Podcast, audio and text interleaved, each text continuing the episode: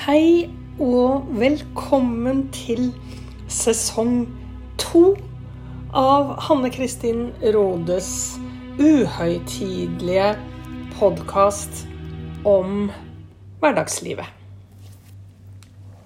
I dag har jeg veldig lyst til å snakke om det å tørre å hoppe på noe, men også å tørre å hoppe av. Det er så mange valg vi skal ta. Og veldig mange av dem kan få store konsekvenser. Eh, og de aller fleste valgene er en del av livet. Det er ikke sånn once in a lifetime. Det er dette hverdagslivet da, som vi skal få til å gå rundt.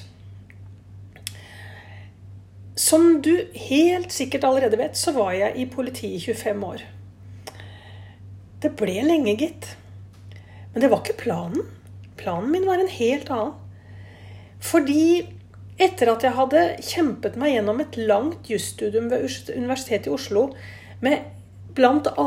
kvelende forretningsjuss og tvil i kjølvannet av det aller tørreste Orker jeg å gjennomføre dette her?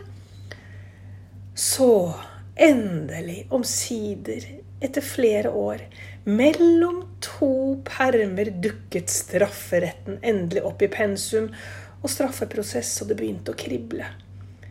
Og da ble virkelig starten på en lang og svinaktig spennende karriere i politiet unnfanget. Men det visste jeg ikke da. Jeg var elleve år da jeg leste en novelle i A-magasinet, dette litt store A-magasinet som fantes før, hvor det alltid var en krimnovelle i midten. Og jeg satt på terrassen, og moren min hadde pakket meg inn i pledd. Og kanskje har jeg fortalt dette før i en tidligere episode, men hold ut. Jeg tror du tåler det en gang til, for nå kommer det kanskje i en annen sammenheng. Men jeg hadde fått kakao, og det var februar eller mars. Og denne novellen handlet om en advokat som briljerte i retten. Han bare fiksa det. Han snakket og han overbeviste, og han hadde både jury og dommerne i sin hule hånd. Og den sleipeste klienten ble frikjent. Og jeg, som elleveåring, ble frelst. Stjerneadvokat ble satt på blokka. Sånn ville jeg bli. Men det var før jeg ble uvenn med alle paragrafene. Poenget var at jeg lagde meg en drøm. En småpikedrøm. Rett etter at jeg hadde knekket lesekoden og begynt å lese ganske mye. Drømmen var å lykkes. Sånn basic. Det var jo det det handlet om. Tenk om jeg en dag kan få lov til å stå der og bli beundret av alle. I retten. Det ble en sånn liten dagdrøm som aldri slapp helt taket. Og der jeg satt og studerte på Karl Johan, da, dag ut og dag inn, så skjønte jeg ganske fort at forretningshus var i hvert fall ikke min greie. Og jeg pustet jo veldig lettet ut da, da jeg kom til strafferett og straffeprosess og skjønte at dette liker jeg veldig godt. Og det viste seg jo også i resultatene på eksamen. Og eh, drømmen om en briljerende advokat begynte å bli mer og mer aktuell. Så blodet fosset i årene da jeg leste strafferett. Endelig var det noe som resonnerte med hjerte og sjel. Det var rettferdighet, det var rettergang, det var straff. Det var et tryggere samfunn. Hjernecellene mine, de samarbeidet med hverandre på en måte. I motsetning til hva jeg syns de hadde gjort tidligere på studiet. Men så fikk jeg litt sånn viktig informasjon underveis i studiet hvor jeg begynte å tenke Hanne Kristin, hvis du virkelig blir stjerneadvokat, da, og så får du en klient som faktisk har drept noen, eller voldtatt noen, eller innført et større parti hasj, eller drevet med usedvanlig plagsom gjenganger, kriminalitet, innbrudd i hus og garasje, stjålet sykler Disse som vi kalte gjengangere. Og de sier til deg ja, jeg har gjort det. Men det får ikke du lov til å si i retten. Hvem blir jeg da? Og da rykket tanken på politiet bitte lite grann nærmere. For jeg er på ingen måte motstander av at alle skal ha rett til en forsvarer. Det er ikke det jeg sier. Uansett hva du har gjort, så skal noen ivareta dine rettigheter. Men jeg ble plutselig ikke lenger så sikker på at det skulle være meg. Men det jeg derimot kjente på, var at tenk om jeg kan jobbe i politiet og bidra til å gjøre min egen by tryggere. Jeg hadde jo ikke barn ennå, men jeg hadde jo et visst ønske og håp om at de skulle dukke opp. Og da ville jeg jo at de skulle være like trygge i Oslo som jeg hadde følt meg i alle år. To år etter at jeg var ferdig utdannet jurist, begynte jeg i politiet. Da var jeg politifullmektig, og det var så fantastisk. Jeg følte jeg likte alt. Jeg husker jeg kom inn i det store politihuset i Oslo. Da hadde jeg riktignok vært i Follo et par år først. Men da jeg kom inn i Oslo, i den digre hallen, og så opp på den skulpturen Og Willy Hauglie var politimester, og jeg husker det bare vrengte opp i brystet mitt av pur glede. Og jeg tenkte Yes! Dette blir gøy. Jeg likte alt, som sagt. Kollegaene mine, det knøttlille kontoret mitt. Jeg følte jeg satt på en gyllen sky som hadde fått denne muligheten. Jeg likte alt, bortsett fra å stå i retten. Det var en alvorlig strek i regninga, altså. Her hadde jeg planlagt at jeg skulle bli dritgod. Jeg skulle bli stjerneadvokat, eller kanskje stjernepolitiadvokat. Og så likte jeg ikke å stå i retten. Kan du tenke deg? Har du hatt det sånn noen ganger? Du har planlagt noe, du har drømt om noe, du gjør det. Og så tenker du Jeg tror pinadø ikke jeg får det til likevel. Og den følelsen var ganske snikende, altså. Eh, det der å kjenne på at det, her har jeg lagt en plan. En litt uhøytidelig dagdrømplan som elleveåring. Men jeg valgte jo jusstudiet, så noe hadde jo plantet seg. Og så kommer jeg ut i det virkelige livet, og så begynner jeg på det jeg har tenkt å gjøre. Og så kjenner jeg at jeg blir så fryktelig sliten av det. Og jeg er redd hver eneste dag. Eller sagt på en annen måte jeg var ikke glad når jeg var på jobb. Ja vel, jeg smilte og jeg lo, og jeg hadde hyggelige lunsjer, og det var ikke sånn at jeg brakk meg når jeg skulle gå på jobb. Jeg var ikke kald på hendene og fikk hetetokter og sånn. Men jeg skjønte jo at det ikke funka helt. Og jeg husker jeg gikk hjem til mannen min, at, som også er jurist, da, og så sa jeg det at det, det er noe rart. Jeg har begynt å få en sånn der gryende fornemmelse av at eh, jeg aldri kommer til å bli noen god jurist. Nei, det tror ikke jeg heller, sa han. Vi er fortsatt gift, da. Hadde sølvbriller for ikke så lenge siden. Men han hadde jo helt rett. For det var noe annet i meg som skulle blomstre. Så den planen jeg hadde lagt, den var ikke riktig for meg. Og her er jeg ved det veldig sånn sentrale punktet jeg bare hadde lyst til å dele i dag, nemlig Ja, vi legger oss planer, men tenk om de ikke er riktige? Da må vi jo tørre å hoppe av. Så for meg, da når jeg oppdaget tilbake i 1992, 91, 93, et eller annet sted der, at jeg ikke likte å stå i retten, så var det jo en alvorlig strek i regninga, og den lille jenta i meg dukket opp på skulderen.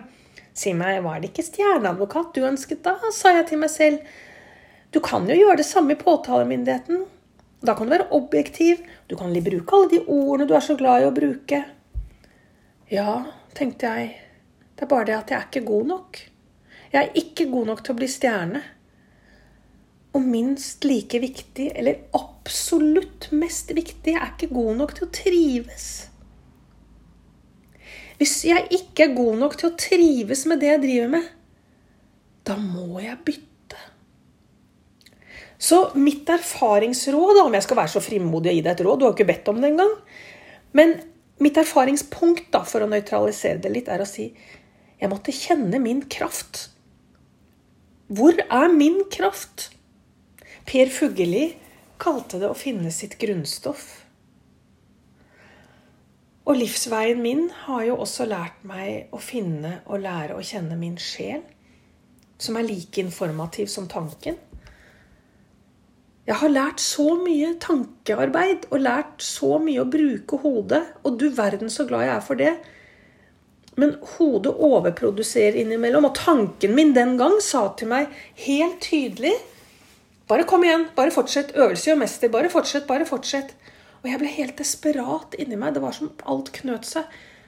For sjelen min visste svaret. Og den trengte bare å si én ting. Og det var hopp. Hopp ut. Gjør noe annet. Så selvinnsikten fikk en betydelig oppsving. Trives jeg? Puster jeg? Kan jeg være her uten å bli slått ut? Og jeg kunne jo ikke det. Jeg kunne ikke fortsette i retten uten å bli slått ut. Av meg selv. Av min egen prestasjonsangst. Fordi jeg mangla noe. Heldigvis for meg da, så var Oslo politi så stort at jeg kunne hoppe til et annet yrkesområde innen samme organisasjon. For det visste jeg at jeg ville bli i politiet. Så stjerneadvokaten skøyt jeg med sprettert opp til skyene og overlot den til andre. Og der svevde den ut i verdensrommet og ble et hyggelig minne. Ikke noe traumatisk. Det er bare å kikke litt opp og tenke at oppe der et sted er den, og der kan den være. Og takket være Willy Haugli som kom brasende innom kontoret mitt og anbefalte meg å søke en lederstilling og bli med på lederrekruttering. Så hoppet jeg. Og da lyttet jeg ikke til tanken, for da Willy Haugli sto på kontoret mitt i full uniform og et lunt smil og uniformslua mellom ribbeina og albuen og sa 'God morgen, Rode, jeg håper du søker lederstilling'. Da sa min indre dialog veldig høyt du skal ikke bli leder. Du skal i hvert fall ikke bli leder. Det har du aldri tenkt på. Det passer du helt sikkert ikke til. Og den gang visste jeg ikke at de vi snakker aller mest med i løpet av døgnet, er oss sjøl. At den indre dialogen dundrer og går 12-14 timer i døgnet. Jeg visste ikke det da, men jeg hørte den veldig godt. Og det, min indre dialog den var ikke noe grei mot meg da. For den fortalte meg at når du ikke kan stå i retten, kan du helt sikkert ikke være leder. Men Hauglie ga seg ikke, han. Han kom innom enda en gang. Og så søkte jeg da på lederrekruttering og etter hvert på lederstilling. Og så traff jeg innertier. Her kunne jeg vokse og trives. Som leder. Det betyr ikke at jeg var god da jeg begynte. Jeg hadde ingen ledererfaring. Jeg fikk ingen lederkurs. Jeg hadde ingen formalkompetanse. Jeg ble bokstavelig talt kasta ut på dypt vann uten livbøye, uten mentor, uten noe annet enn en eventyrlig nysgjerrighet på hva ledelse egentlig bør være. Så da erfarte jeg da at eh, når jeg da hadde søkt en lederstilling og fått den, da måtte jeg være en læringssvamp resten av lederkarrieren. Jeg erfarte at jeg ble aldri utlært. Fordi lederskap handler om mennesker. Om mental berøring og tillit og så uendelig mye mer. Og veldig mange ganger så har jeg jo både i jobben som leder i politiet, men også i årene etter, da jeg sluttet og begynte å holde foredrag, så stiller noen meg spørsmål hvilken ledelsesteori mener du passer på det du har sagt nå? Og noen ganger får jeg litt hjertebank, og da kommer den gamle prestasjonsangsten tilbake. Nå burde jeg hatt både eh, forskerne og årstallene og alt jeg har glemt, klart. Men svaret er egentlig mye enklere og mye vanskeligere å gjennomføre i praksis. For svaret er det å være leder i hverdagen handler ikke om en eneste ledelsesteori. Det handler om å være menneske. Det handler ikke om de paragrafene jeg leste. Det handler om å tørre å hoppe. Og stole på at det jeg har i meg, er nok. Så sier jeg ikke at ikke vi skal ha en formalkompetanse når vi er ledere. Selvfølgelig skal vi det. Men akkurat som med paragrafene, så erfarte jeg at det er jo bakgrunnsteppet. Det ligger litt backstage, for å si det sånn. Det er litt sånn som Det vi gjør på Åsted Norge, vi får eh, sakene, vi presenterer sakene, vi diskuterer backstage før vi går live om omtrent hvem som skal si hva og hvordan, som passe forberedt. Men når vi går live, så handler det for meg om å lage et godt TV-program for deg som ser på, og snakke forståelig, sånn at du forstår hva jeg sier. Når jeg var leder, så handlet det ikke om at jeg skulle stå og huske hvilken ledelsesteori jeg skulle bruke på medarbeider A, B eller C. Det handlet om at min tanke og min sjel og hele min kropp greide å ta inn hvilket menneske jeg hadde foran meg, og hvordan vi to skulle lage et kollegialt forhold, et ansatt-lederforhold, et eh, rent forventningsavklart forhold med krav til resultater, med krav til hverandre om at begge skulle trives på arbeidsplassen. Nå fikk jeg lyst til å si noe som jeg ikke tenkte over veldig før etter at jeg hadde sluttet i politiet. Men det er jo så mange som søker jobb. Kanskje er du som hører på, veldig ung og har sett drømmejobben. Og så søker du, og så blir du innkalt til intervju. Og det er jo fantastisk. Og så sitter vi der, da. Jeg husker det jo selv, og presenterer. Vi vrenger ut alt vi har i håp om at akkurat jeg skal bli kandidat nummer én. Men det er én ting vi ofte glemmer å spørre oss selv om. Ønsker jeg å ha det mennesket som sitter på andre siden av bordet, som sjef? Det kan nemlig hende at det er en drittsekk som sitter på andre siden. En skikkelig drittsekk. Og hvis du får en fornemmelse allerede på intervjuet om at dette det er noe rart, denne kjemien her funker ikke, så ville jeg tenkt meg om. For akkurat det mennesket kan gjøre deg syk, selv om jobben er aldri så fantastisk. Vi er så vant til å tenke at det er lederne som skal sitte og velge og vrake hvilken medarbeider eller hvilken søker de vil ansette og ha som medarbeider. Mens medarbeiderne bør i også mye større grad tenke jobben er spennende, men vil jeg ha dette mennesket som sjef? Det er også å hoppe det å tørre å stille så store krav til relasjoner at du tar regien også på et intervju. Jeg har lært veldig mye om å tørre å satse. Jeg vil si at for meg så har jobben i politiet vært drømmejobben. Men jeg vil også si at det, Hjernen min fortalte meg veldig mange ganger at det er av mine overordnede og erfarne sideordnede kollegaer jeg kommer til å lære hvordan jeg skal gjøre denne jobben. Og det var feil. Jeg lærte av dem også, selvfølgelig gjorde jeg det. Men de jeg lærte mest av, det var mine ansatte. De jeg var leder for, på alle nivåer. Og da er jeg jo igjen fremme ved et erfaringspunkt da, som er utrolig tydelig, og som jeg tror vi må være jeg vet ikke om modig er det riktige ordet, men i hvert fall litt uh, rølpete, kanskje. For å tørre å gjøre. Nemlig, det er så naturlig for hjernen å strekke seg oppover, se hva ledere over deg sier og gjør. Men min opplevelse er, gjennom 20 år er altså at det er de jeg leder, som har noe å lære meg. Hva trengte de av mitt lederskap for å bli gode? Hvilke av mine handlinger ga næring til motivasjon? For det er jo faktisk sånn at mine nye medarbeidere de kom helt ferdig motivert. Det er en gyllen gave å få inn en som strutter av lærelyst og pågangsmot. Og det å ta inn over meg at jeg kunne drepe den motivasjonen på kun få dager, det var ganske tøft. Jeg kunne ødelegge alt. Så da hadde jeg et hverdagsvalg igjen, da. Hvem vil jeg være som leder? Og jeg måtte tørre å ta kampen med mine mellomledere og førstelinjeledere hvis ikke de var ambassadører for den lederstilen jeg ville ha. Og det var kanskje noe av det vanskeligste jeg gjorde, fordi det er så mange oppfatninger om hva som er ledelse, og hva som forventes av en leder. Så det å greie å dreie noen, det var nesten umulig. Men jeg kunne i hvert fall gi uttrykk for hva jeg var fornøyd med og ikke fornøyd med.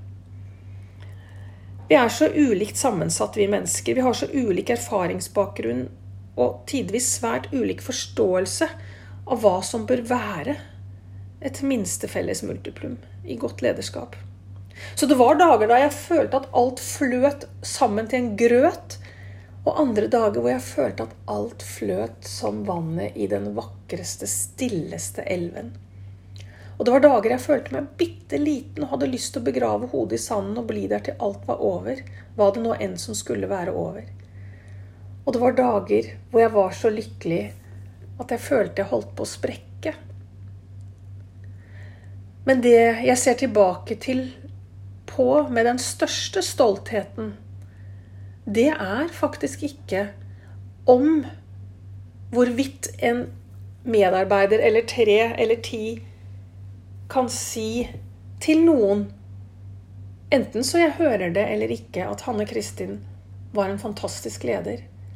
Det er hyggelig hvis jeg har lagt igjen noen gode fotavtrykk, men det som jeg er aller mest stolt av, er at jeg turte å hoppe fra paragrafene.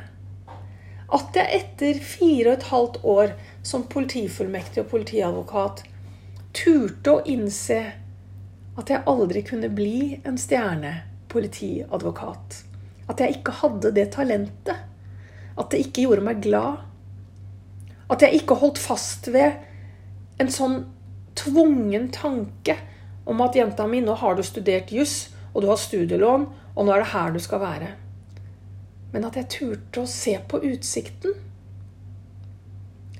For selv om mange hverdager kan ha ganske tett tåke, så sprekker skyene alltid opp.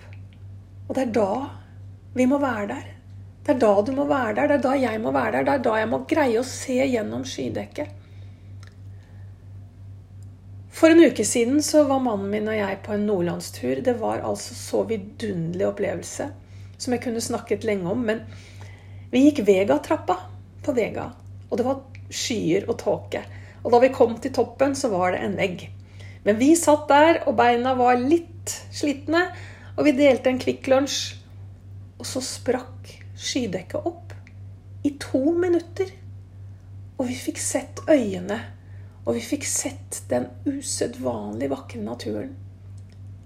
Og det er det øyeblikket som bekreftet for meg at jeg tilbake i 1992-93 gjorde det riktige da jeg fikk et glimt av sannhet fra min sjels visdom. Jenta mi, det er noe annet du skal gjøre her i verden. Det er en annen grunn til at du går rundt på jorda nå. Så jeg har lært å holde ut. Jeg har lært å slåss for det jeg tror på. Jeg har lært å tro på meg selv. Og så har jeg lært å spørre spørre meg selv og spørre andre. F.eks. spurte jeg etterforskerne hvis du satt i min stol en måned, hva er det første du ville tatt tak i? Og jeg skal si da, jeg fikk en del svar jeg ikke så. Jeg så dem ikke komme. Men det var sannheten. Og det måtte jeg tørre å gjøre. En som tør å fortelle meg om jeg er dust, og som ikke stikker av når han eller hun har overlevert med den beskjeden, men som tør å være i dialog. Det er jo fantastisk. Enten det er familie eller venner. Så jeg må jo tørre det selv. Så ja, det ble noe sånn, da, at um,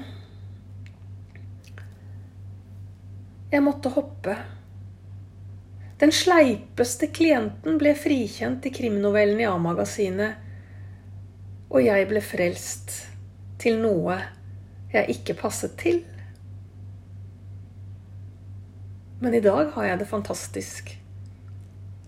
Fordi det også var en erfaring. Så min oppfordring til akkurat deg er Hopp! Øv deg på å hoppe. Om det så bare er et bitte, bitte lite hopp, så kan det bringe frem smilet Og da er det jo ikke forgjeves. Tusen takk for at du følger også i sesong to. Vi høres igjen.